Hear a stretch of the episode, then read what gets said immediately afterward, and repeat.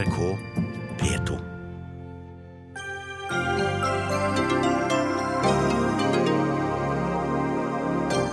WWF Norge påstår Høyre og Arbeiderpartiet har skjønt at oljepolitikken må endres etter Parisavtalen. Vi sjekker med Høyre og Arbeiderpartiet om det stemmer. De aller fleste gründere klarer seg ikke. Likevel fortsetter politikerne å pøse milliarder på gründerne.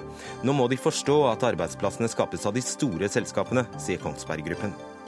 Og fikk kommunikasjonssjefen i Samferdselsdepartementet sparken fordi hun nektet å drive Frp-propaganda? Sjefen hennes kommer og svarer.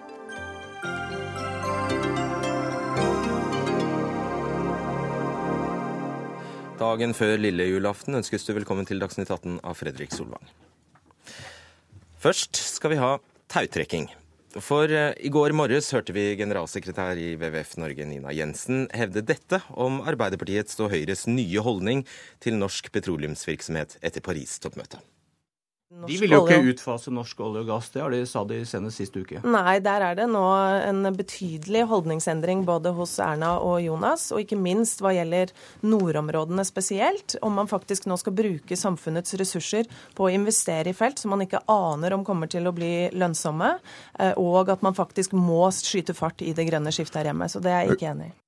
Ja, Det var Bjørn Myklebust som intervjuet eh, Nina Jensen i Politisk kvarter i går. Nå skal vi altså teste denne påstanden om Høyre og Arbeiderpartiet har eh, fått ny politikk etter Paris. Og til det har vi invitert tilbake Nina Jensen. Vi har administrerende direktør i Norsk olje og gass, Karl Eirik Schjøtt Pedersen. Vi har Nikolai Astrup fra Høyre, og med oss eh, fra Telemark har vi Terje Aasland fra Arbeiderpartiet. Og vi gjør det slik at uh, dere to, uh, Jensen og Schjøtt-Pedersen, får framsette tre krav hver til norsk petroleumspolitikk der dere er rykende uenige. Også får Astrup og Aasland velge side. Og så ser vi til slutt om det stemmer, altså, om det er, at det er en betydelig holdningsendring hos Arbeiderpartiet og Høyre, som du hevder, Jensen. Først, Nina Jensen, ditt første krav er? For at vi nå skal få en oversikt over klimautslippene, så er det på høy tid at vi innfører karbonbudsjetter i Norge. Det vil gi oss en oversikt over eh, for det første hvor mye vi skal kutte, hvor kuttene skal tas, eh, og ikke minst hvor mye kutt som skal tas i hver sektor. Det vil gi oss en god oversikt over tid over at vi faktisk er i ferd med å nå målene. Vi hører med deg, Nikolai Astrup. Karbonbudsjetter i Norge, ikke europeiske, men i Norge. Ja eller nei?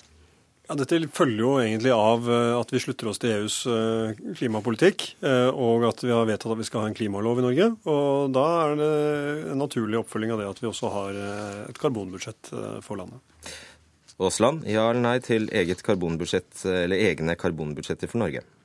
Nei, Det er en konsekvens av det som vi har gjort tidligere i år. Både det å slutte oss til EU når det gjelder våre rammer for, for utslipp og, og, og kutt, og ikke minst forhold til klimaloven. Og det Historien også viser at vi trenger å ha god oversikt over utslipp i de enkelte sektorene, når vi skal nå våre mål. Ja. Og dette, Karl Eirik Skjøtt Pedersen, er dere veldig uenige No, vi er først og fremst opptatt av at uh, man holder fast ved at uh, man skal ha en felles europeisk gjennomføring. Parisavtalen betyr jo at vi må tenke på en annen måte, og her har Norge og EU gått foran. Og Samtidig så har Norge og EU sagt at man skal gjennom det europeiske kvotesystemet ha en betydelig kutt i utslippene fra, fra eh, samla industri. Derfor er det vesentlige neste spørsmålet fra meg er at jeg oppfatter jo at disse to partiene er veldig enige om at man skal ha en felles gjennomføring med EU. At man skal holde fast for at vi skal ha et felles europeisk kvotesystem. At man derigjennom skal foreta betydelige kutt. Og Det er det som er vårt viktigste poeng. Og Da må du hjelpe oss å rydde opp i. Er dette tilfredsstillende, svar Nina Jensen?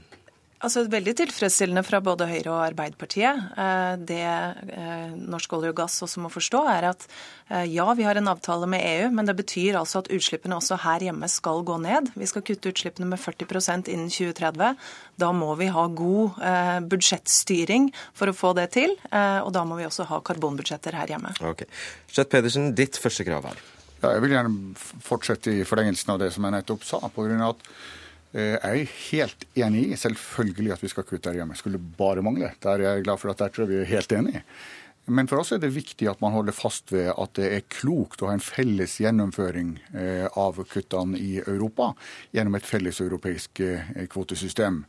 Og Det har jeg oppfattet at Arbeiderpartiet og Høyre er helt enig i. fordi at det er klokt. Det gjør at vi får størst mulig eh, utslippskutt. Og jeg håper at de kan bekrefte at de står fast ved det. Kan du dem? Jeg kan, jeg kan, bekrefte at vi mener det er meget klokt å gjennomføre klimakuttene i kvotepliktig sektor i samarbeid med EU. Og det er en effektiv modell, og det er en modell som vil gi de utslippsreduksjonene verden trenger. Dette er jo ikke noe kretsmesterskap. Det er det er en dugnad der alle må bidra, og vi må gjøre dette i fellesskap med EU. Aasland, svar eh, kort og enkelt på dette. Altså Det Schjøtt-Pedersen her sier, er at man må bruke det europeiske kvotemarkedet og ikke lage egne norske karbonbudsjetter. Ja eller nei til det? Nei, det er det ja til. Fordi vi har forplikta oss til det. og Kvotepliktig sektor er en stor, tung og viktig industri for Norge når det gjelder sysselsetting, verdiskapning og ikke minst langsiktige investeringer. Så vi er nødt til å forholde oss til det vi har sagt, og det er at det skal være en del av kvotepliktig sektor. Ok, Jeg håper lytterne forsto den. Ja. Det er altså ikke noen motsetning her, egentlig. Altså Det er fullt mulig både å ha karbonbudsjetter og å ha en felles gjennomføring i det som er, kalles kvotepliktig sektor, som kanskje er litt forvirrende for lytterne, men altså som er petroleumssektoren og industrien i Norge. Det var den verste starten vi kunne hatt. Det er greit. da tar vi krav nummer to, Nina Jensen. Ja, eh, Verdens ledere har nå blitt enige om drastiske kutt i klimautslippene eh, i Paris. Eh, det innebærer altså at tre fjerdedeler av de fossile ressursene må bli liggende. Det er altså kull, olje og gass. Tre fjerdedeler av disse må bli liggende. Det må også få konsekvenser her hjemme, og spesielt i nordområdene og Arktis.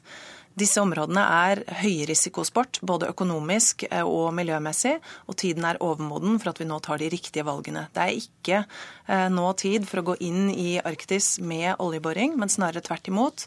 Ta de kloke valgene, ikke bruke samfunnets ressurser her, men putte de inn i det vi skal leve av i framtiden, nemlig fornybar energi og de fantastiske naturressursene våre. Før du slipper til, Schjøtt Pedersen, så tar vi da en runde her. Eh, Høyre, ja eller nei til at oljeleting i Arktis må avlyses?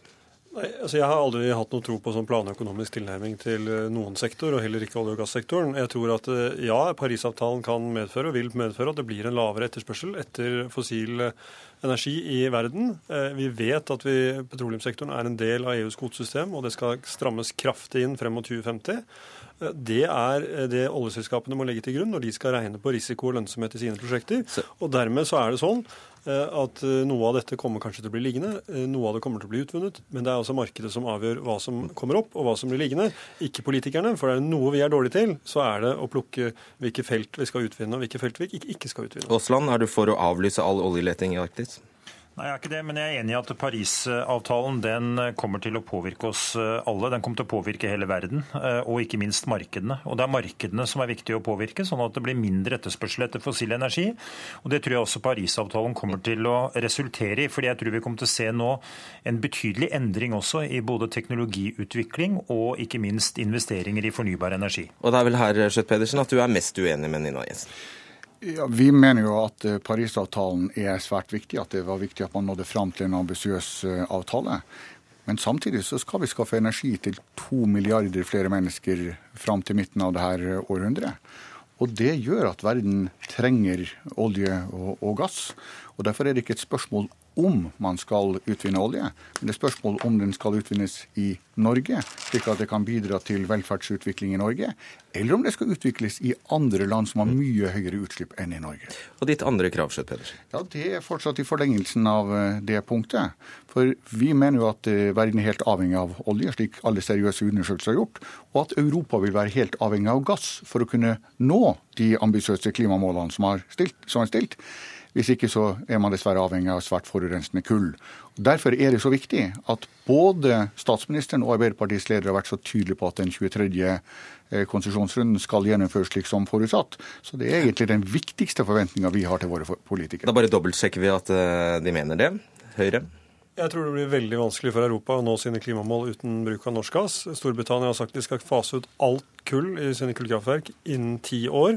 Og de skal dekke opp det med fornybar energi og betydelige mengder norsk gass. Så ja til 23. konsesjonsrunde. Ja. Og det gjelder vel også dere i Aasland? Det gjør det. 23. konsesjonsrunde eh, er utlyst eh, nå av regjeringen og skal tildeles eh, om ikke altfor lenge. og det, det, står vi ved. Ja.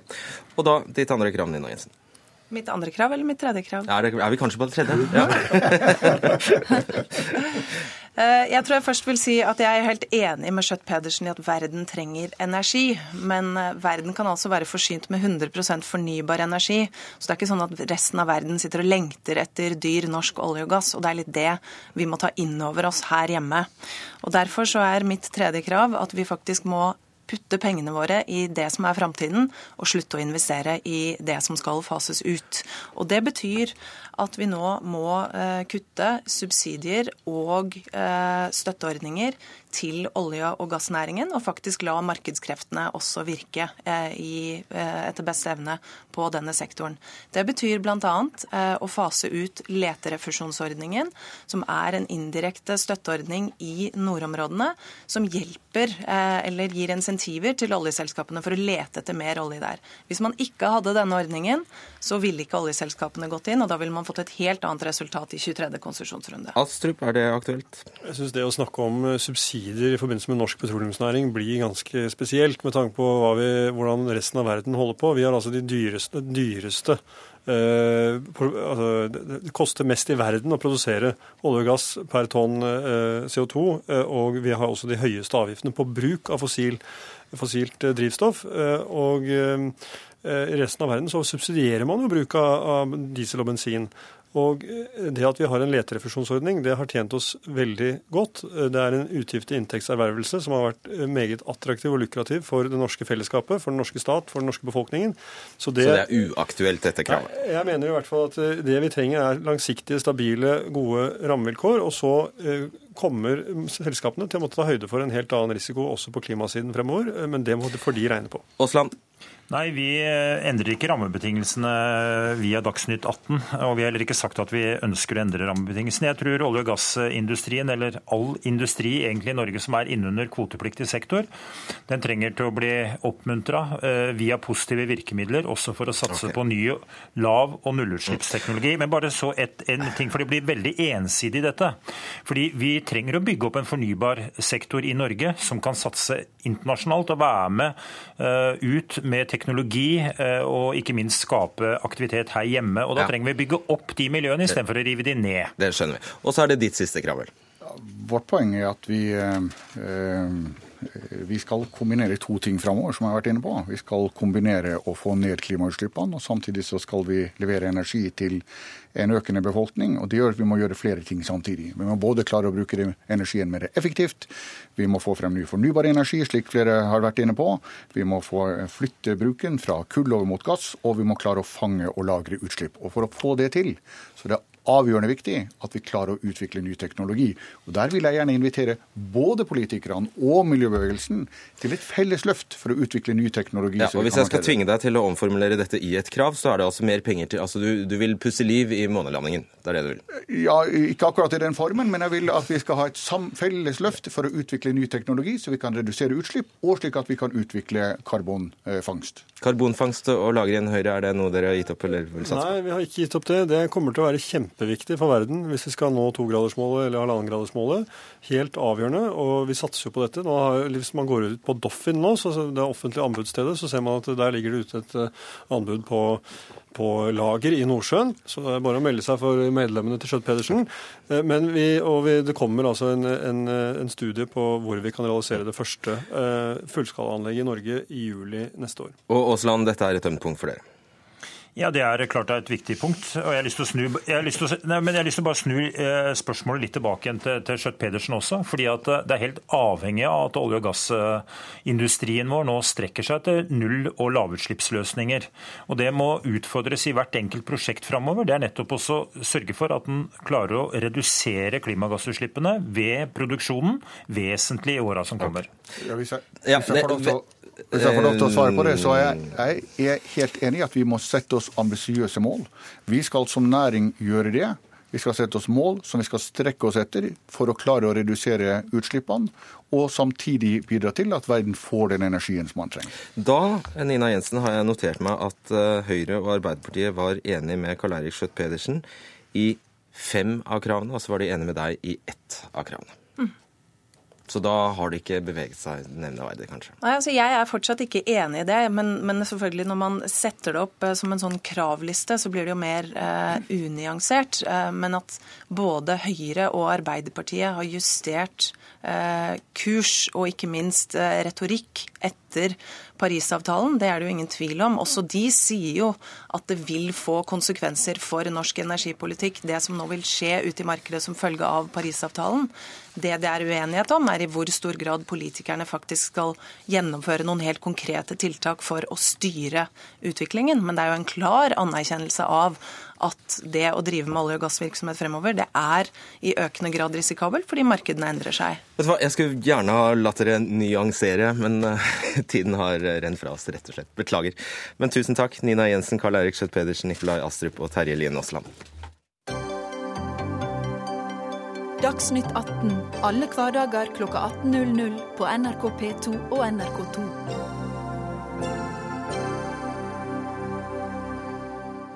Hvor mange ganger har vi ikke hørt dette? Vi har altså lagt til rette for halvannen milliards økning i næringsrettet forskning, i å satse på gründere, i å satse på bedriftsrettede tiltak. På torsdag foreslo vi 100 millioner mer til Innovasjon Norge, til tilskuddsordning til gründere. Alt det bidrar både på kort og på lengre sikt, at vi skal skaffe flere jobber, sikre sysselsetting og gjøre det mer lønnsomt å drive egen bedrift. Ja, politikerne liker å snakke om gründersatsing, og næringsminister Monica Mæland fastslår jo eh, også i dette kuttet fra en av NRKs valgsendinger at gründerskap gir flere jobber. Men er virkelig det sant? Tall fra SSB viser at hele sju av ti gründere blir borte etter fem år, og kun én av ti lykkes godt. Walter Kvam, du er konsernsjef i Kongsberg Gruppen. Er det bittert å sitte der oppe på Kongsberg og se at millioner av kroner forsvinner til eh, oppstartskroner og såkornsfond og jeg vet ikke hva, og så sitter dere der? Nei, det er ikke bittert eh, i det hele tatt. Eh, jeg har stor respekt for entreprenørskap, og alle bedrifter som finnes i Norge i dag, har jo startet med en gründer. Så det jeg har satt fingeren på, det er at jeg tror den den største utfordringen vi har i, i, Norge, det er ikke kreativitet og oppfinnsomhet. Det har vi drevet med i mange eh, lange tider. Eh, vi har slitt litt mer med å industrialisere disse ideene og, og være konkurransedyktige internasjonalt. Så For å være helt konkret, så mener du altså at man fokuserer for mye på gründerskapet? Jeg mener at det er eh, litt for mye oppmerksomhet rundt det eh, i forhold til eh, det som jeg tar opp, som er industrialiseringsaspektet. Mm. Anders Hordvei Mjåseth, du er gründer av Mesh. Først, hva er Mesh? Mesh er en innovasjonsplattform med 350 gründere og masse arrangementer og tjenester for gründere og vekstbedrifter. Okay. Og du har klokkertro på at oppstartsbedrifter vil bli viktig for sysselsetting i Norge. Det kan du begrunne. Ja, altså Jeg tror vi er i en digital revolusjon, midt i den. og Det tror jeg du også tror. Og vi må klare å legge til rette for den digitale generasjonen som nå er eh, på full fart inn i arbeidslivet med en ekstrem innovativ kraft, og klare å få store vekstbedrifter ut av den gruppen. Um, og jeg mener absolutt at uh, industrien har en ekstremt viktig rolle, men jeg mener også at gründerne som ikke passer inn i måte, industribildet og den type jobber, må eh, bygges opp under. Så hva er det Kvam ikke helt har forstått? Jeg tror Kvam har forstått det helt riktig, men han har, han har eh, en industriperspektiv, og jeg har et gründer- og investorperspektiv. Og det jeg tror at vi sammen må få til, er at vi må vri debatten litt fra en politisk debatt til en debatt som går mer på at investorer, næringslivet og gründere selv blir den innovative stemmen, og at vi samarbeider om hva vi ønsker og trenger. Eh, at det ikke blir så mye fokus på Innovasjon Norge og debatt mellom Anita Krohn Traaseth og Monica Mæland, og egentlig storapparatet og eh, det litt mer utøvende apparatet i det politiske innovasjonsmiljøet. Bare raskt, altså Du sier at det er et paradoks at myndighetenes eh, virkemidler nesten utelukkende går til oppstartsbedrifter. Har du noe empiri som belegger det? Altså det, bedrifter fra noen titalls millioner i omsetning opp til 300-400 millioner, de er, utgjør grunnstammen i, norsk industri. Norsk industristruktur er litt spesiell. Vi har noen få store, og så har vi veldig veldig mange hundre eh, SMB-bedrifter. Og eh, Det som er veldig spennende nå, eh, er at den digitale revolusjonen eh, den eh, slår nå i de neste fem til ti år inn i industrisektoren og gjør det mulig for den type bedrifter å eh, ta tilbake konkurransedyktighet fra lavkostland f.eks. Gjennom digitalisering, gjennom robotisering og automatisering. Så jeg er veldig enig i at her er den digitale generasjonen sin eh, innflytelse og, og, og, bakgrunn særdeles viktig. Men ikke eh, det er feil å utelukkende satse på den? Ja, altså vi må eh, vi, er, vi, står jo i en situasjon i Norge hvor eh, vi må erkjenne at eh, eh, oljesektorens inntjening i hvert fall faller gradvis. Og på en eller annen måte som vil skape en verdiskapningsplattform, tilvirkningsindustri, som kan fylle det gapet. Og Det betyr at vi må bygge en bredere industrisektor. Og Her er muligheten for oss i Norge gjennom at vi er et av verdens mest digitaliserte folk. Eh, vi har mye kompetanse, men vi mangler en del kompetanse og fasiliteter for å bygge denne virksomheten eh, videre.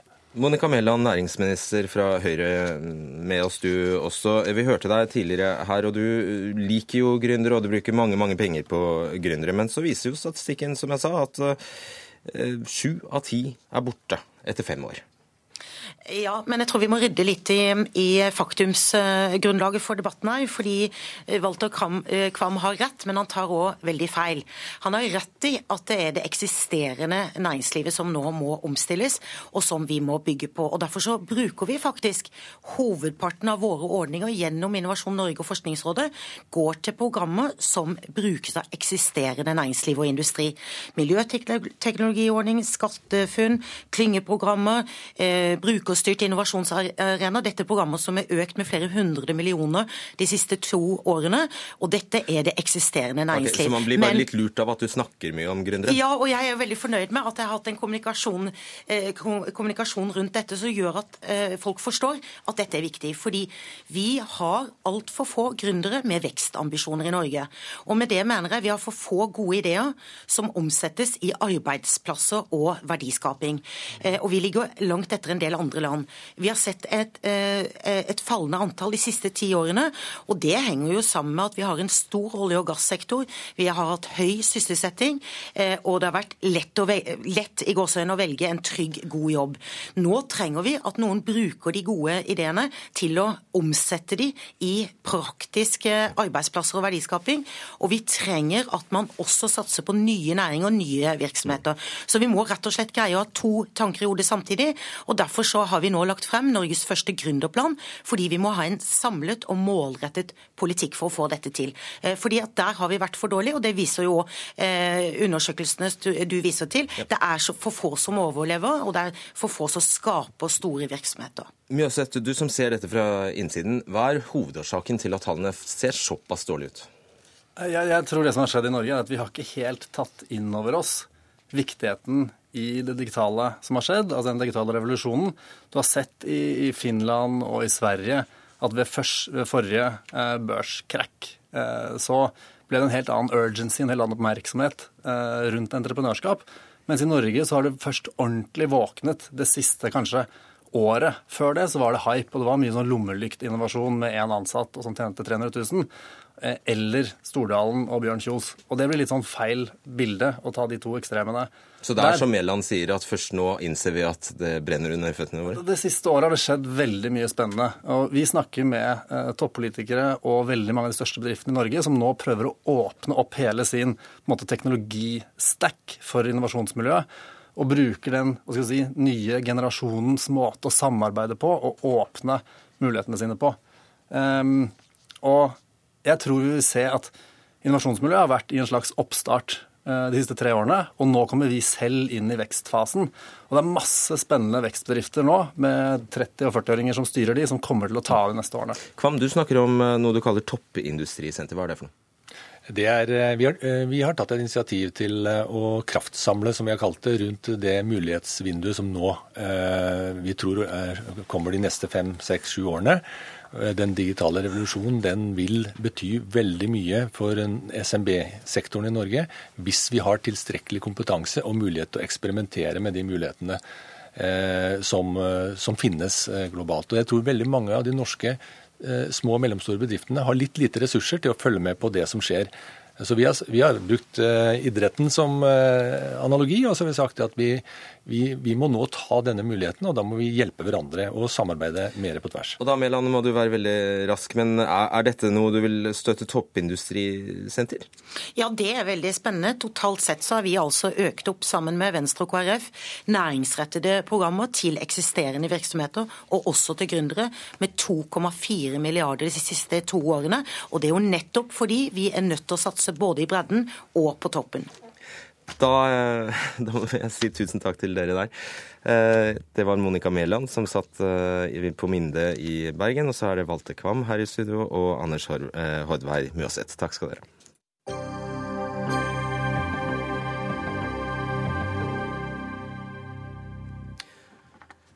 Oslo kommune vil sponse elsykler. Fra nyttår kan folk som bor i hovedstaden få inntil 5000 kroner til å kjøpe elsykkel for, skrev Aftenposten i går. Poenget er å få flere til å velge sykkel framfor bil. Byråd for miljø og samferdsel i Oslo kommune for Miljøpartiet De Grønne, Lan Marie Noyen Berg. Eh, hvorfor er det så viktig først, ta det først, hvorfor er det så veldig viktig at folk flere, eller flere eh, går over til elsykkel? Det vi ser er jo at det å gå over til elsykkel det gjør det lettere å velge sykkelen i hverdagen. Man kan sykle lenger. Man, eh, man, kan, man får hjelp opp tunge bakker og blir ikke svett av det. Og man kan transportere flere ting. Så vi ser at det å gå over til elsykkel det kan øke sykkelandelen i Oslo med hele 26% Så derfor så er det et viktig tiltak tiltak blant mange andre viktige tiltak for å øke sykkelandelen i Oslo. Hvordan kan du vite at sykkel erstatter bil, og at ikke bare elsykkel erstatter sykkel f.eks.? Det vi har sett av foreløpig forskning, er nettopp det at de som får tilgang til en elsykkel, i motsetning til de som får tilgang til en vanlig sykkel, de vil sykle dobbelt så langt, dobbelt så mange kilometer, og de vil bruke sykkelen på kanskje opptil 52 av reisene sine. Så dette ser vi at det er et veldig godt alternativ til bil, men det er også veldig viktig når vi vet at vi skal få renere luft i Oslo og få ned klimagassutslippene, og transportere flere mennesker når Oslo og Akershus-regionen vokser så fort som den gjør. Ok, Nikolai Astrup, parlamentarisk nestleder for Høyre, velkommen tilbake. Du mener altså dette er eh, pussig ja, Først, Hvor mye skal du bruke på denne ordningen? Hvor mange penger? I, I, første omgang så gir vi fem millioner under Klima- og energifondet, og så vil vi øke det dersom ordningen blir veldig populær. Ok, Fem millioner. Og dette sier du er pussig bruk av penger, eh, Astrup? Jeg synes det. Altså, jeg er veldig tilhenger av at folk eh, sykler både med og uten elmotor uh, istedenfor å kjøre bil. det er veldig viktig, og flere må gjøre det fremover. Men jeg tenker to ting. For det første så ønsker man da å bruke fem millioner kroner, kanskje det blir mer etter hvert, fra det som er klima- og miljøfondet til Oslo kommune, som i dag går til å støtte f.eks. husholdningene og gjøre klimatiltak. Det har gått til historisk til å støtte husholdninger som bytter ut oljefyren sin med miljøvennlige alternativer, og bytte ut skitne vedovner med rentbrennende alternativer, slik at vi får bedre luftkvalitet i byen.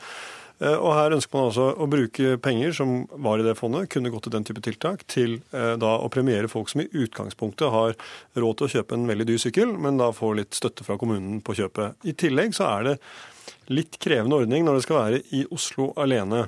Det er jo slik at uh, Man kan tenke seg at denne ordningen åpner for uh, ganske mye misbruk, dessverre. Ved at folk som bor utenfor Oslo, allierer seg med noen som bor i Oslo, og dermed får kjøpt denne sykkelen billig. Eller at folk som bor i Oslo, selger den til noen utenfor byen etter hvert med en god fortjeneste. Og da var kanskje ikke det hensikten fra byrådets side. Vi får høre da hvordan det er lagt opp praktisk sett her. Det vi faktisk ser fra de undersøkelsene som Transportøkonomisk institutt allerede har gjort, er at betalingsviljen faktisk ikke er så høy at folk vil kjøpe elsykkel i stor, i stor grad. Det er det vi ønsker å gi et lite boost. Da, for vi ser at med subsidieordninger så vil man både utvikle bedre elsykler, men vil også, folk vil også kunne se på elsykkel som et transportmiddel. Mm. Men ta dette her med det praktiske. Altså, hvordan skal du kunne sikre deg mot at noen, eh, veldig mange ikke plutselig får en tante i Oslo som kjøper elsykkel?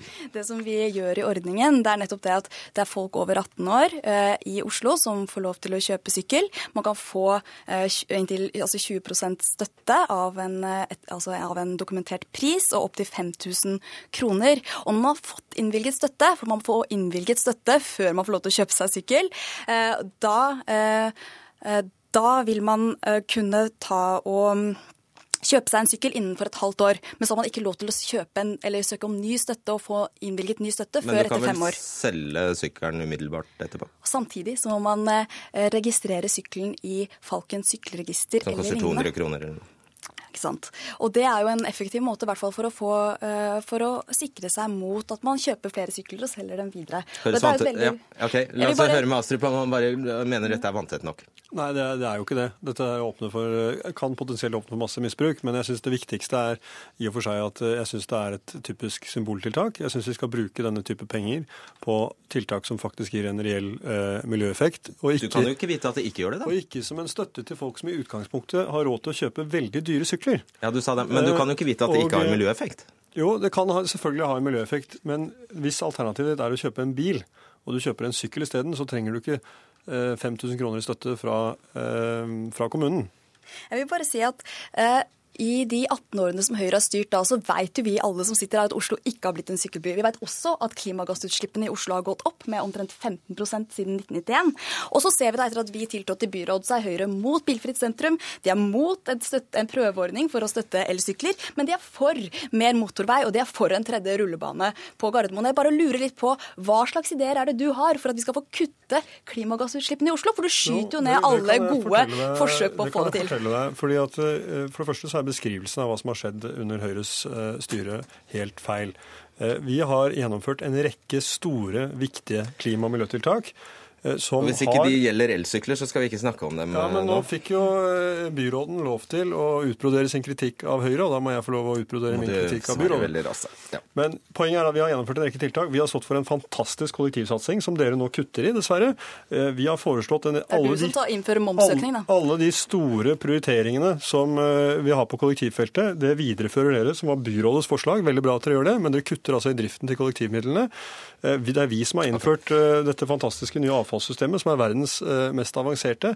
For å ta noen eksempler. Doblet fjernvarmekapasiteten, eh, faset ut oljefyr av alle kommunale bygg osv. Så, videre, og så, så det har skjedd en hel masse på klima- og miljøfeltet. Og vi har fått internasjonal anerkjennelse, internasjonale priser og blitt holdt frem som en foregangsby under Høyres ledelse på klima- og miljøfeltet. så det er rett og slett ikke riktig. Men det dere fokuserer på, det er typiske symboltiltak. Vi er for bilfrie gater i sentrum. Og vi har også etablert flere bilfrie gater i sentrum. Men det vi er mot, er å legge et hermetisk lokk over f.eks. Oslo S, slik at man ikke kan komme dit med bil overhodet. Dette er upraktiske ting som gjør at folk blir mindre eh, opptatt av å være med på klima- og miljødugnaden. Og jeg okay, ønsker ikke det. Jeg ønsker at det skal være positivt. Nå må jeg få slippe til. Jeg må bare stille. Tema, ja, ja, ja, Alt er veldig viktig. Berg, hvorfor, hvis, dere, hvis, dette ikke er et symboltiltak, hvorfor ikke da i stedet lage en, et mer differensiert eller et slags trappesystem der du hadde gitt litt tilskudd til det som var faktisk enda mer miljøvennlig enn elsykkel, altså vanlig sykkel? Hvorfor ikke, altså hvorfor ikke gradere? Dette, det, det, det får jo da en eim av symbolpolitikk når du bare gir til joggesko f.eks. Ja. Men det man ser er at hvis man gir folk en vanlig sykkel, så vil ikke sykkelbruken deres øke. Det viser tidlig forskning. Og så ser vi at hvis man gir dem en elsykkel, så øker sykkelandelen med det dobbelte i antall kilometer per person.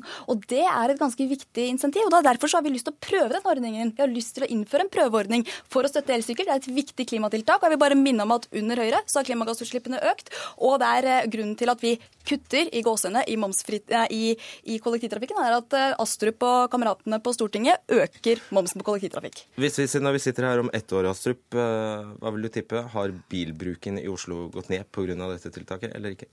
Jeg tror det aller viktigste tiltaket vi kan gjøre for å få bilbruken ned, det er å gjøre kollektivsystemet så, transporten så god at det er et attraktivt og enkelt alternativ for mange. Og så må vi selvsagt også gjøre det enkelt å sykle og gå i byen. Eh, og Det er flott hvis noen flere velger elsykkel, men jeg mener at disse pengene kunne vært bedre anvendt i, miljøen, eh, anvendt i miljøets tjeneste hvis det hadde vært brukt eh, på andre ting. Og du tror det bilbruken vil gå ned? Og selvfølgelig, og det er en del av et større tiltak for å få bedre sykkelveier og for å få færre biler. Vi får se. Takk skal dere ha.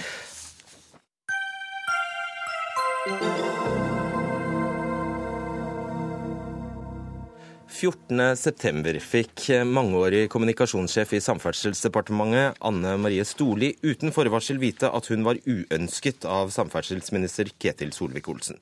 Årsaken var, ifølge Dagens Næringsliv, at Solvik-Olsen ville at hun skulle gi mer partipolitisk bistand til Frp, spesielt i forbindelse med E6-turen hans i fjor sommer. Da Storli nektet, ble hun bedt om å gå, ifølge avisa. Dette benektet statsråden i Politisk kvarter i morges. Det er ikke riktig at jeg har bedt om at hun skal bli fjernet fra departementet og sånne ting som gis inntrykk av. Det er heller ikke riktig at eh, vi har bedt eh, kommunikasjonsavdelingen gjøre en jobb som er partimessig eller for partiorganisasjonen. departementsråd i Samferdselsdepartementet, Villa Kullid. Eh, det var du som eh, ga denne beskjeden til eh, Storli. Hvor lenge hadde du da hatt den jobben som du har nå, som departementsråd? Ja, jeg ble tilsatt i departementet i september og ble utnevnt i mai.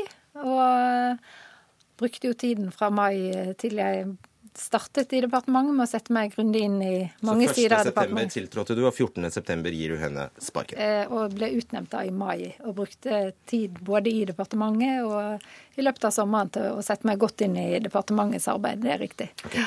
Fikk du beskjed av statsråd Solvik-Olsen om at Anne Marie Storli skulle flyttes på, fjernes, omplasseres, eh, ikke fortsette jobben sin? Nei, det gjorde jeg ikke. Har, denne, denne, saken har ingen, etter mitt skjønn, en partipolitisk eh, dimensjon. Så det Dagens Næringsliv skriver er kategorisk feil? Etter mitt skjønn så har ikke denne saken en eh, partipolitisk eh, dimensjon, nei. Hva betyr det? Ja, Det betyr at jeg ikke opplever at statsråden har krevd hennes Altså, jeg må også få lov å presisere og kanskje rette opp noe som har blitt gjentatt i pressen, og det handler om Altså I utgangspunktet er det jo veldig eh, Jeg kan jo ikke sitte her og, og kommentere enkeltpersoners ansettelsesforhold i departementet som arbeidsgiver, så går ikke det. Det skjønner jeg. Men, men, jeg vil bare si at eh, siden det har vært så mye i pressen om dette, så, så stemmer det ikke at uh, hun er avsatt. Uh, hun er faktisk fortsatt ansatt i Samferdselsdepartementet. Uh, og vi, hun skal jobbe i Veidirektoratet, ja, hvis jeg har forstått rett? Ja, og vi har en avtale. Vi er enige om at hun skal skal Men du skal ikke fortsette i jobben sin, det er jo hovedpoenget her. Ja. Uansett ja. hva du kaller det. Ja, men ja. Uh, sånn er det. Så, ja, sånn så er det. det, det, er faktum i og saken. Da, da, lurer jeg på, Siden du bruker ordet, og jeg har ikke opplevd at dette er en uh, politisert uh, sak, fikk du da på noen som helst måte en forståelse av at statsråd Solvik-Olsen ønsket henne et annet sted? Altså, jeg vil bare si det sånn at Da jeg skulle begynne å jobbe i departementet, så måtte jeg sette meg grundig inn i alle sider ved departementets virksomhet. Vei, tog, kommunikasjon, alt som var. Eh, og de samtalene rundt disse spørsmålene hadde jeg med embetsverket i departementet, og også med politisk ledelse. Så, så utover det så tror ikke jeg skal begi meg inn på å kommentere enkeltpersoners ansettelsesforhold hos eh, oss. Eh, du tok altså over jobben som departementsråd etter Eva Hildrum, som ble pensjonert. Eh, etter om lag to uker i jobben så, eh, så omplasserer du altså Storli. Hvilket grunnlag hadde du da i løpet av de to ukene for å gjøre det? Mm. Eh, altså jeg har vært opptatt av å ha en ryddig prosess i denne saken. og det eh, håper jeg også eh, min ansatte er, er enig i. Men, men som jeg sier, så, så, er det ikke sånn at du starter 1.9. Eh, og, og har alle svar 14.9. Så, så dette baserer seg jo på at jeg hadde satt meg inn i mange sider av departementets eh, arbeid i, eh, over en Så du satte deg inn, Er det det du sier, at du startet dette arbeidet i mai, før du begynte jobben? Jeg, jeg sier bare at jeg, det var naturlig for meg å sette meg inn i mange sider ved departementets arbeid eh, i den perioden forut for at, eh, at jeg tiltrådte. Ok. Ifølge et notat utarbeidet, utarbeidet av Storlis advokat Vidar Raugland, som DN fikk tilgang til, så ba Storli om en begrunnelse for at statsråden ville ha henne bort. I dette notatet viste du da til misnøye med leveranse ambulansene, og at avdelingen var for lite på. Og Du skal da ha brukt eksempler som at Solvik-Olsen eh, på sin E6-tur i fjor sommer ikke fikk innvilget et ønske om at skulle, departementet skulle ta kontakt med ordførere og Frp-lag. Stemmer dette? Jeg tror jeg må si det igjen, at jeg, jeg har ikke noe ønske om å gå inn og, og diskutere enkeltforhold knyttet til eh, Eh, ansatte i, i, Samferdselsdepartementet. Det finner jeg ikke naturlig. Nei, det var ikke det jeg spurte om. Men nå spurte jeg om det stemmer at du ga en forklaring til hennes advokat som gikk på at eh, begrunnelsen for hennes omplassering var at Solvik-Olsen var misfornøyd med henne. Jeg finner ikke det naturlig å, å gå inn i, i omtale av eh, hva som skjedde i den prosessen hvor vi ble enige eh, om eh, okay. at hun skal jobbe i, i Statens vegvesen. Mm. Så fortsatt, ifølge Dagens Næringsliv, så ønsket Solvik-Olsen flere ganger at kommunikasjonsavdelingen skulle utforme pressemeldinger med kritikk av den forrige rød-grønne regjeringen. Stemmer det? Mm. Altså det er sånn Når du arbeider i et departement, så arbeider du for politisk ledelse. Eh, og I Samferdselsdepartementet så gjelder det på veldig mange viktige og spennende samfunnsoppgaver. Vi holder på med store reformer. Alt er ting som er vedtatt eh, og besluttet politisk. Så jobben vår er jo å forberede sakene, skape et godt beslutningsgrunnlag. Det er å gjennomføre politikken. Men byråkrater skal jo ikke sitte og kritisere tidligere regjeringer, det skjønner man? Vi i, i Samferdselsdepartementet opplever jeg at de har en utrolig god rolleforståelse i forhold til diskusjonen diskusjonen embetsverkpolitikk. Jeg, jeg ser at de, de godt eh, drillet og forstår den rolledelingen veldig godt. Mm. Har du fulgt alle lovpålagte prosesser i forbindelse med at du krevde at Storli skulle flyttes på?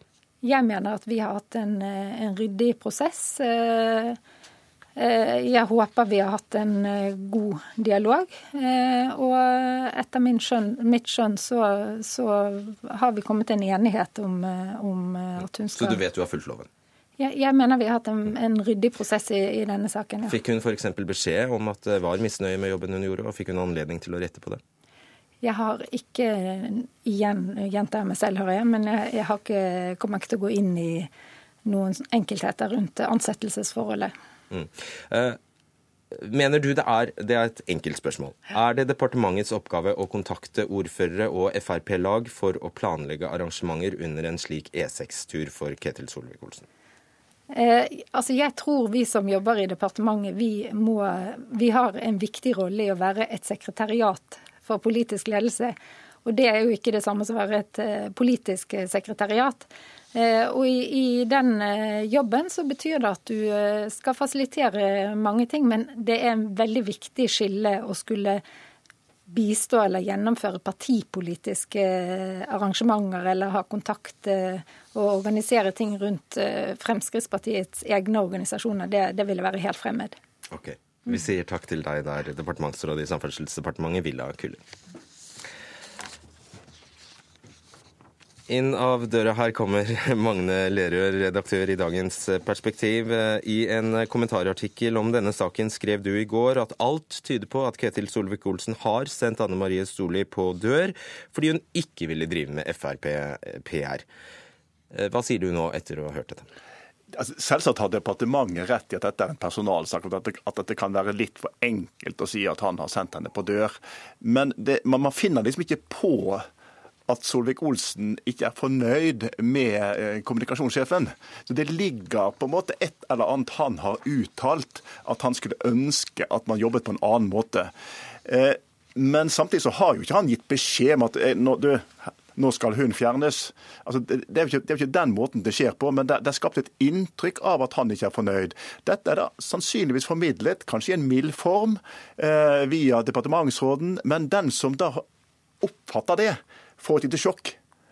Eh, og Det har da kommunikasjonssjefen sannsynligvis fått. For da ramler liksom hele grunnlaget for hennes arbeid sammen, når hun har fått denne kritikk. Og da har det begynt å rulle. Og da er spørsmålet har han anledning til det?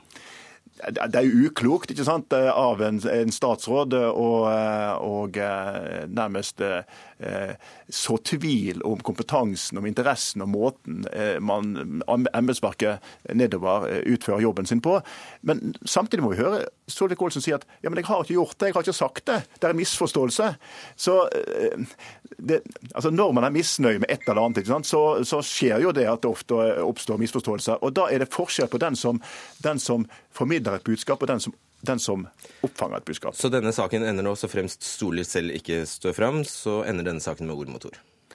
Den står jo med ord mot ord nå, men den har jo også en prinsipiell Det er jo en prinsipiell spenning som ligger her, slik at dette ser ut til å være mer enn en personalsak. Og eh, nå er jo Stortingets kontroll- og konstitusjonskomité de, de, lurer på kan dette være noe vi bør undersøke. Og Det vet vi jo ikke helt, og vi vet heller ikke om det er mer eh, som skal fortelles om denne saken her. Men, men det, det, kan jo tyde på at her har, eh, her har Solvik-Olsen vært litt uheldig med formuleringer. Det kan tyde på at, eh, at departementsråden ikke har brukt lang nok tid og gitt en medarbeider anledning til å korrigere kursen. slik at så, så det, det, er mange, det er mange steder man i ettertid kan si at her burde vi gjort ting på en annen måte. Mens utgangspunktet er for den kommunikasjonssjefen som føler at her sitter jeg med et stort ansvar, og statsråden er ikke fornøyd med meg. Da faller liksom hele plattformen for jobben sammen. slik at det hadde man kanskje ikke tenkt at det var det man satte i gang, men det har da blitt virkningen av det. Ok, Magne Løre, vi får se om det var siste ord i denne saken. Takk skal du ha. Hør Dagsnytt 18 når du vil Radio NRK Radio.nrk.no.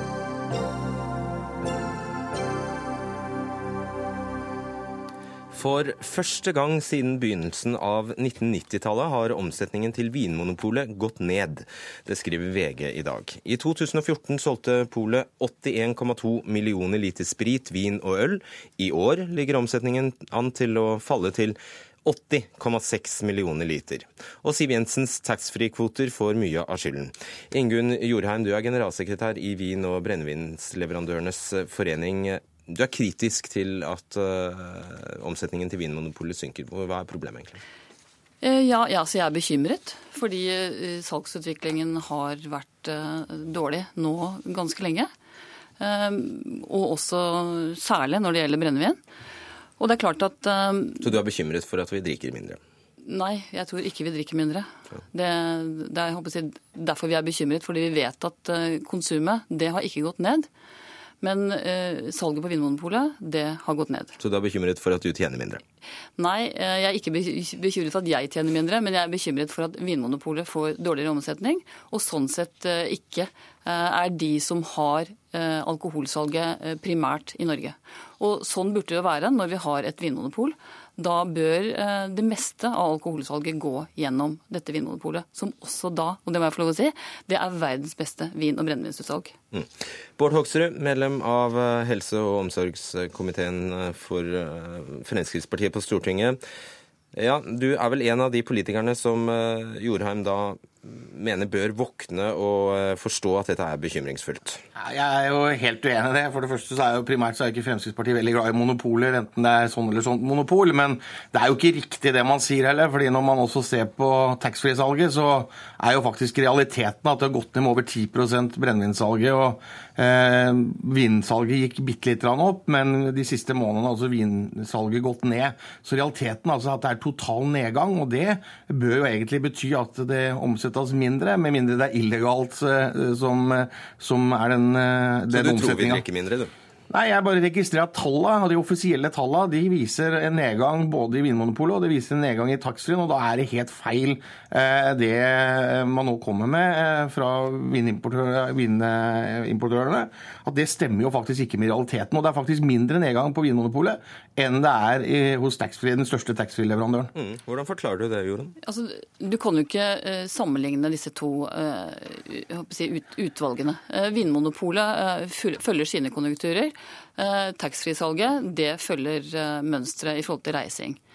Så, så ja, må, det, totale, det totale konsumet i, i, Norge det har ikke gått ned, det går opp. Og vi ser også samtidig med at Vinmonopolets salg går ned, så går også grensehandelssalget det går opp hvert eneste kvartal.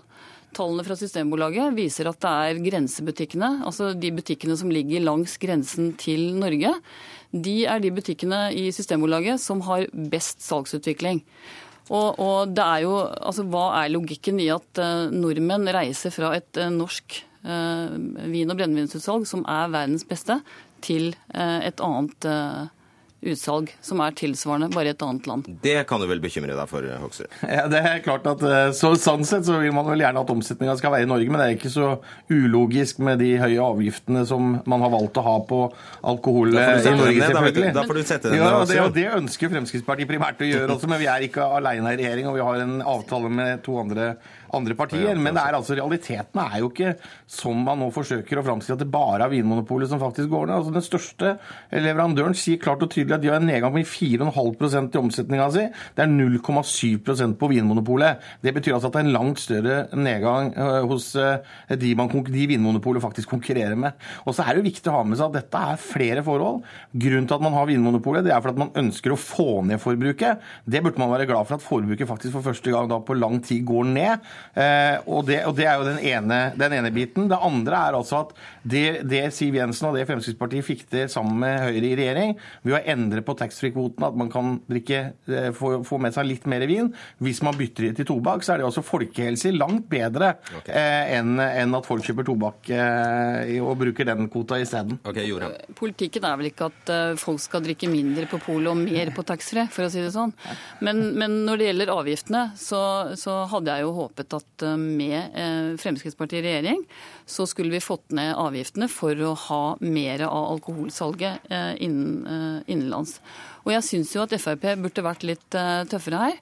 Eh, KrF, når de satt i regjering i 2003, så torde de å sette ned avgiftene fordi grensehandelen var såpass høy. Da satte de ned brennevinsavgiften, og vi så det umiddelbart når det gjaldt eh, grensehandling. Jeg er helt sikker på at hvis eh, Frp tør, så kan de gå til KrF og argumentere godt for at Vinmonopolet trenger at man setter ned avgiftene. For eh, det er ikke tvil om at Jeg tror vi i hvert fall ikke bør være redd for at Fremskrittspartiet ikke gjør det vi kan jo, for å få, for å få ned avgiften, men vi må, men vi må ha må være enda tøffere her, altså. Det må dere. Ja, det det. Når, når, KrF torde å sette ned avgiftene, så burde en Høyre-Frp-regjering også gjøre det. Ja, men vi har da gjort grep som nettopp gjør at uh, det, det, blir bedre. Men Nei, så, men så, jo, men, men, så, men så, Er det noen av dere som tenker på folkehelsa? På jo, ikke sant? Det er, ja, Vinmonopolet er eh, det viktigste alkoholpolitiske instrumentet vi har. Okay. Og de er kjempeflinke i forhold til sosial kontroll. Ja. Så, Men, så, hvis man er opptatt av folkehelsen, så er det klart at vi må slå ring om Vinmonopolet. Vinmonopolet er bra, det er også de andre. Og det er streng kontroll med, skjenking, eller med salg fra utsalg som har lov til å selge alkohol. Og jeg er jo helt enig. Jeg mener jo faktisk at det er det forebyggende vi må starte med. Da må vi starte med de som ikke har begynt ennå. Og det er der vi må legge inn trykket. Og det er der også vi er opptatt av å legge inn mye av trykket. Eh, og så tror jeg at de som velger å kjøpe alkohol, de, eh, de gjør det, og det viser jo dette her. altså At det, er, eh, det har noe av den samme effekten på eh, taxfree-salget som det har på Vinmonopolet. Det har altså gått ned, og da får vi også ha tro på at det faktisk betyr at, eh, at alkoholsalget da går ned. Ok, jeg starter der jeg sluttet, Jorheim. Det er jo lett å beskylde deg for å bare være ute etter å be for din syke mor sin, og du altså leverer 80% av varene til Polet. Mm. Men vi er opptatt av at alkohol skal selges i ordnede former, og da er Vinmonopolet den beste ordningen. Samtidig som Vinmonopolet også da tilbyr eh, vin og brennevin fra hele verden. Så det er For å beholde Vinmonopolet så må avgiftene ned, og da beholder vi altså både kundene, arbeidsplassene og avgiftskroner til felles glede og nytte. Og, og, og Sånn sett så kan Vinmonopolet da fortsette å, å, tilby disse varene og være verdens beste Ti Jeg er veldig, veldig, glad for at vi har veldig gode kontrollordninger. Vi har gode utsalgsordninger, enten det er butikker med øl eller det er Vinmonopolet, og taxfree, de som selger taxfree. Så jeg mener at vi har veldig gode ordninger i dag, og jeg syns at ikke man behøver nødvendigvis å endre på det. Men, men vi er jo ikke nødvendigvis de største forkjemperne for et monopol heller. Men vi er opptatt av å jobbe for å redusere alkoholforbruket. Takk ha. Ingunn Jorheim og Bård Hoksrud.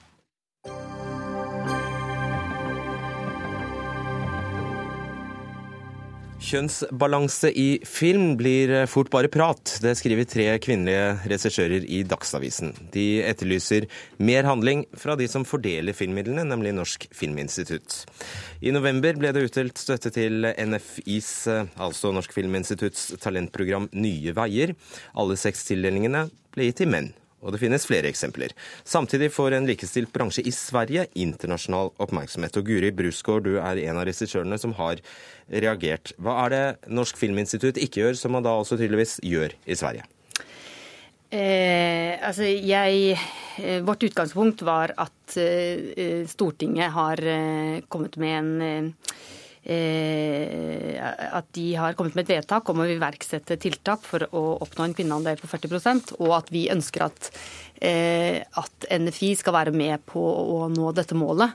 Og at eh, NFI eh, eh, skal være med å skape de endringene som trengs. Og hva, altså hva, hva de har gjort i Sverige. Altså F.eks. i Sverige så har de hatt mye flere offensive tiltak for å nå en slik kjønnsbalanse.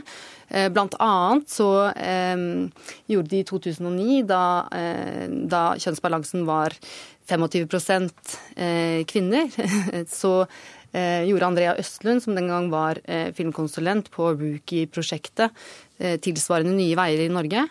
Eh, så gjorde hun et, et, veldig kontroversielt offensivt tiltak, hvor hun holdt tilbake en tildeling eh, som hun øremerket en kvinnelig regissør. Eh, og deretter gikk hun ut eh, med disse signalene og fikk da inn en stor mengde søknader. Og det har altså endt med at Sverige har gått fra en uh, kvinneandel på 25 til nå å bli hyllet som et foregangsland ja. på området. Ja. Ja. Sveinung Golemo, du er avdelingsdirektør for utviklings- og produksjonsavdelingen ved Norsk Filminstitutt. Som uh, Brusgaard her nevner, eh, Stortinget har jo nylig da vedtatt at regjeringen skal iverksette tiltak for å oppnå en andel på 40% kvinner i nøkkelposisjoner i norsk film. Så hva har dere tenkt å gjøre for å oppnå det kravet?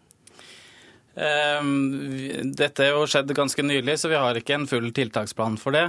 Men jeg syns det er viktig å få frem her også at vi har hatt veldig god kvinneandel i, i norsk film. Og i, i, for tildelinger i 2014 så hadde vi faktisk en høyere eh, tildelingsprosent til kvinner for eh, konsulentvurderte filmer enn det de hadde i Sverige. Eh, I forhold til kvinnelige regissører. Sånn at vi har hatt en, eh, Det har vært en satsing over lang tid, eh, mange år, som har vært, gitt en positiv utvikling. I 2015 så ser vi at det går litt tilbake igjen. og Da er det veldig fint at vi får tatt opp denne debatten, og at vi får og så begynne å se litt nærmere på hvilke tiltak vi kan gjøre for å få en stabil eh, kjønnsbalanse. Brusgaard, betyr det at dette eksempelet der eh, alle, alle seks tildelingene eh, av denne prisen for fremme kunstnerisk vågmot og bidra til utvikling av den norske filmens formspråk og fortelling, bare er anekdotisk? Nei, altså det, det som viser seg, altså bransjerådets eh, tall for, eh, for, dette årets tildelinger, de viser seg å være og det som vi er opptatt av, er jo eh, altså, kan, altså, Tall kan leses på mange måter, men vi er opptatt av hvem er det som forteller de norske eh, historiene på film i dag. Og at det er viktig at kvinner også er med der, som manusforfattere og eh, regissører. Og eh, Tallene som jeg har fått opplyst fra bransjerådet, viser at det er eh, i 2015 så er det 23 eh, man, kvinnelige manusforfattere og 11 regissører. Det og det mener ja. vi er, ja, at det er oppsiktsvekkende og altfor dårlig. Golemon. Det er ikke mye. Eh, nå har ikke den ferdige statistikken for 2015 ennå, eh, så jeg kan ikke si eksakt på det. Men vi har jo sett en eh, betydelig nedgang både i tildelinger, men ikke minst i søknadsmassen, som, som bekymrer oss. Og, og, det er jo Kan dere gjøre noe med det, da? Ja, altså det, det, må vi jo finne ut og tenke litt høyt, både internt og med, med bransjen, hvordan vi kan bedre det. Men, men, men i tilskuddsordninger som f.eks. For, for manusutvikling, så, så, så begynner altså søknadsmassen å falle under, mm. under 30% og da, da, er jo 40% en utfordring å klare på sikt. Det sier seg selv. Golemo, hvorfor søker ikke kvinnene? Guro? Ja. Unnskyld. Hundreskår, nå går det litt tilbake her. Ja. Eh, altså, jeg, sitter ikke på de tallene eh, om, som, om, hvor mange kvinner som søker, men jeg tenker at, at, da må man på en måte snu seg rundt. Når man, når man, ikke har nok kvinnelige søkere, så må man snu seg rundt og finne, finne eh, ja, tiltak hvor man får opp dette her. Jeg, altså den, den, det eksempelet ditt med den nye veiertildelingen, jeg syns det er et, sånt, et, eksempel på at dere har vært veldig passive i år. Altså i, i tidligere i høst så gikk eh, Sindre Gullvåg ut, altså som er direktør i NFI, gikk ut og varslet om lave eh, tall på kvinneandelen eh, i, i, dette årets tildelinger. Bare en måned etterpå så kom denne tildelingen som da bare går til menn. At man ikke der klarer å på en måte at man ikke, Det, det syns jeg vitner om en sånn lav kjønnsbevissthet da, i, i NFI, som ja, vi Ja, dere er ikke bevisst nok? Eh, jeg mener jo at vi er veldig bevisst. Jeg syns det er veldig uheldig de, de tildelingene sett i et eh, kjønnsbalanseperspektiv. Eh, men vi har mange mål å fylle, og, og i forhold til de vurderingene som ble gjort den søknadsrunden, så, så endte det opp sånn. tallet for, for, den tilskuddsordningen over de siste årene er en, en kvinneandel på regissører på over 40 Men hva syns du ideelt sett burde vært? Nei, altså Ideelt sett så bør det jo være en balanse. Men i, i forhold til hvordan man vurderer prosjekter så, og, 50 -50. og, og, ja, men, men, men det, vil, det, er veldig få filmer som får produksjonstilskudd i løpet av et år, sånn at det vil være variasjoner. Eh, så lenge man ikke har en radikal kvotering der man, man sier at det absolutt skal være sånn. Er det det nå må det være raske bruskår, Er det det som må til? Radikal kvotering? Jeg tenker at kvotering er, kan være et godt virkemiddel. Men jeg tenker også at det handler om eh, en holdning og når man gjør prioriteringer, og at det er viktig at eh, NFI kommer frem til en holdning som skaper endringer. Eh, og også tiltak som skaper endringer. For det trenger vi. Mm. Takk skal dere ha, Sveinung Golemo og Guro Brusgaard. Denne Dagsnytt 18-sendingen er eh, nå over. Du hører og ser oss også i morgen. Ansvarlig for sendingen var Ida Tune Øresland, teknisk ansvarlig Lisbeth Seldreite og i studio Fredrik Solvang.